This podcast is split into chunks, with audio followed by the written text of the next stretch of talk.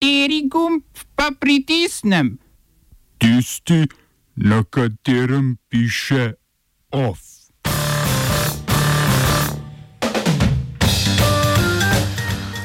Pred proslavami ob dnevu državnosti je danes po Ljubljani bicikliral naš sodelavec Jaka Virant, ki poroča o ograjah na Trgu Republike. Ha, da, da, spet, je, spet so postavljene ograje. Uh, ja, drugače se je prazno, ene štiri kolesari se če speljajo, ampak mislim, da uh, izključno iz tranzitnega razloga, ne pa iz uh, politično-ideoloških razlogov. O ograjah na kongresnem trgu. Govorice so resnične, tudi tukaj so postavljene ograje. Uh, je pa še enkrat, zaenkrat odprto, da se lahko prešetaš čez kongres, sem polko bo pa proslava, pa verjetno bo to vse zaprli. Tu ne znam, če se bojijo toliko uh, protestnikov kot uh, unih, ki niso povabljeni na proslavo, pa so pa sti razen 500 izbrancev. Ne pa tudi o ograjah na prešircu. Ja, na trgu pod preširjenim kipom zaenkrat ni sledi kovinskih ograj, čeprav se tudi tukaj napoveduje en dogodek, mogoče so zgrešili za 500 metrov, pa so te ograje, ki so namenjene vsem, postavljene na trgu Republike. Tukaj bo namreč, kot so populisti poimenovali, dogodek antiproslava, v bistvu čas kot uh, uradna proslava, vendar naj bi bila po besedah organizatorjev bolj ljudska.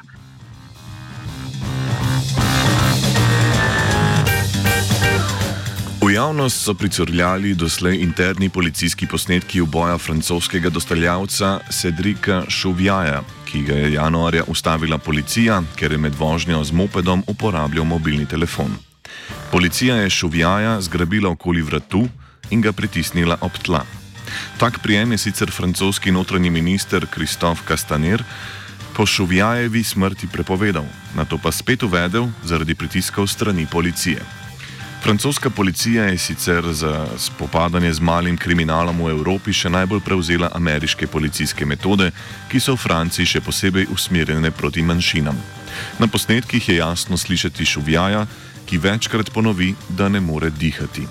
Štiri policisti povezani s šuvjajo smrtjo so že bili zaslišani, šuvjaja družina pa je pozvala predsednika Emanuela Macrona naj jih suspendira.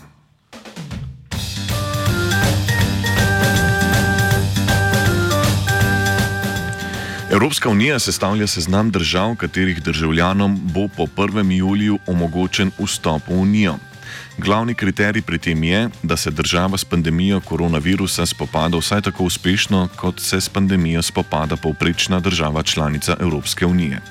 Po, po poročanju New York Timesa bo vstop v unijo med drugim onemogočen državljanom Združenih držav, Rusije in Brazilije.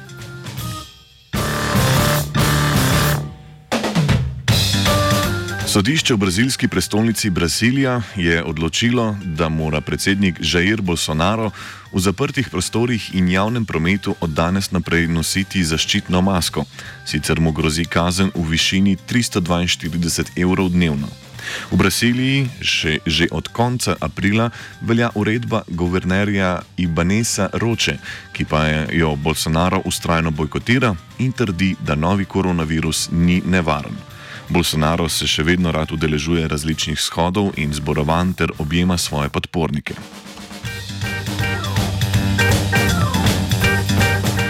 Severna Koreja je naznanila, da bo opustila besedno vojno proti Južni Koreji, ki jo je začela sama brez odziva, oziroma po njihovih besedah opustila bo načrt vojaških ukrepov proti Južni Koreji.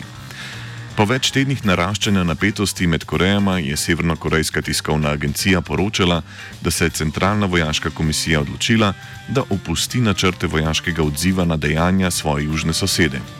Napetosti na polotoku se zaostrujejo, odkar je Severna Koreja razstrelila zgradbo urada za zveze med Korejama na svoji strani meje, kot razlog pa navedla, da je Južna Koreja prek njene meje unašala južnaško propagando.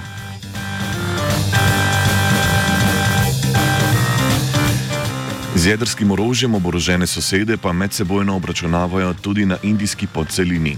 Indijska vlada je več kot pol zaposlenim na pakistanskem veleposlaništvu v New Delhiju ukazala, da morajo zapustiti državo, saj ne bi veleposlaniki sodelovali pri vohunjanju in podpirali teroristične organizacije. Na potezo se je vlada v, Ist v Islamabadu odzvala tako, da je tudi sama napovedala izgon več kot polovice zaposlenih na indijskem veleposlaništvu.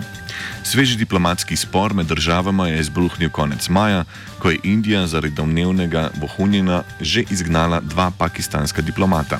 Skratka, nič novega.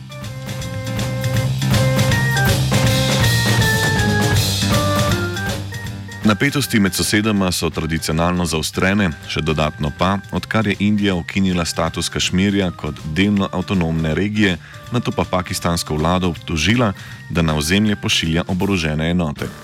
Obtožbe o vohunstvu so letele tudi na ptice. Maja letos so indijske oblasti ulovile goloba pakistanskega ribiča, ki je priletel na indijsko ozemlje. Golob je ostal v pridržanju, dokler indijske oblasti niso potrdile, da ne gre za vohunskega goloba, ter ga vrnile pakistanskemu ribiču.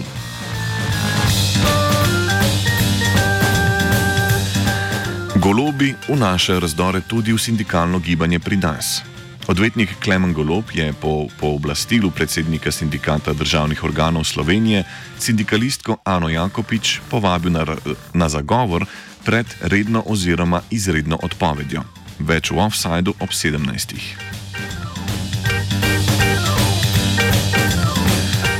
O trenutnih razmerah v sindikatih pa smo spregovorili tudi s predsednico in ustanoviteljico sindikata Lidl Tjašo Kozole, ki je bila iz podjetja uradno odpuščena letos, navaja pa, da je bila že leto pred uradno odpovedjo, vse od ustanovitve sindikata, izpostavljena pritiskom Lidlove uprave. Ta od marca letos s sindikatom komunicira zgolj prek odvetniške družbe. Kozole izpostavi, da so se direktni pritiski uprave na delovke, ki so včlanjene v sindikat, v zadnjem času umirili, da pa nikakor ni edina, ki je bila deležna takih pritiskov. Je bilo, ampak to oni seveda zanikajo. To imamo pač mi, ki so nam punce spet same povedali. Vem, to je bilo tudi zaprlo svojih pisarno eno uro, pa pogovor o tem, pa da sindikat ni v redu. Vem, mene samo osebno. To mi, mi je moj šef ne, v začetku rekel, da je zaribala se bo s tem sindikatom, pač nehi na tak način, kaj pa imaš ti od tega sindikata v tem smislu. No? Je pa res, da so zdaj, so se pa mogoče malo umirili, ker vidijo, da je zadeva bolj resna, pa da so predvsej bolj previdni. Predvsej bolj previdni. Ne, ne upajo več tok na glas govoriti, ampak bolj po ovinkih, če že napeljujejo.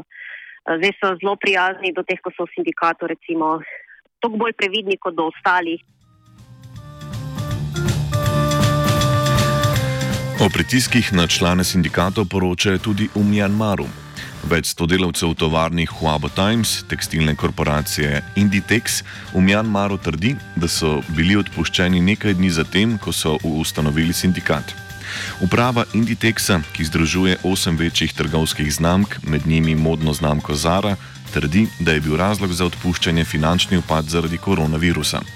Temu nasprotuje podatek, da je bilo iz eno tovarn odpuščenih več kot 100 delavcev, med katerimi so bili večinoma člani sindikata, nekaj dni zatem pa so v tovarno pripeljali 200 nesindikaliziranih delavcev. Maja je bilo iz tovarne Ruining že odpuščenih 200 članov sindikata, ki so ga ustanovili februarja letos. Ustanovitelj modne znamke Zara, Don Amancio Orteha, je po lestvici Forbes sicer šesti najbogatejši človek na svetu.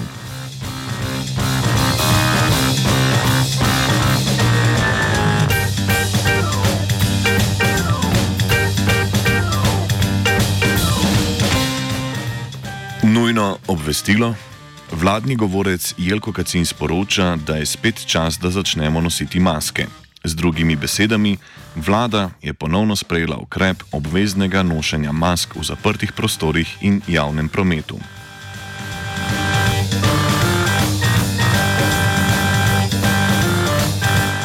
OF je pripravila Lana.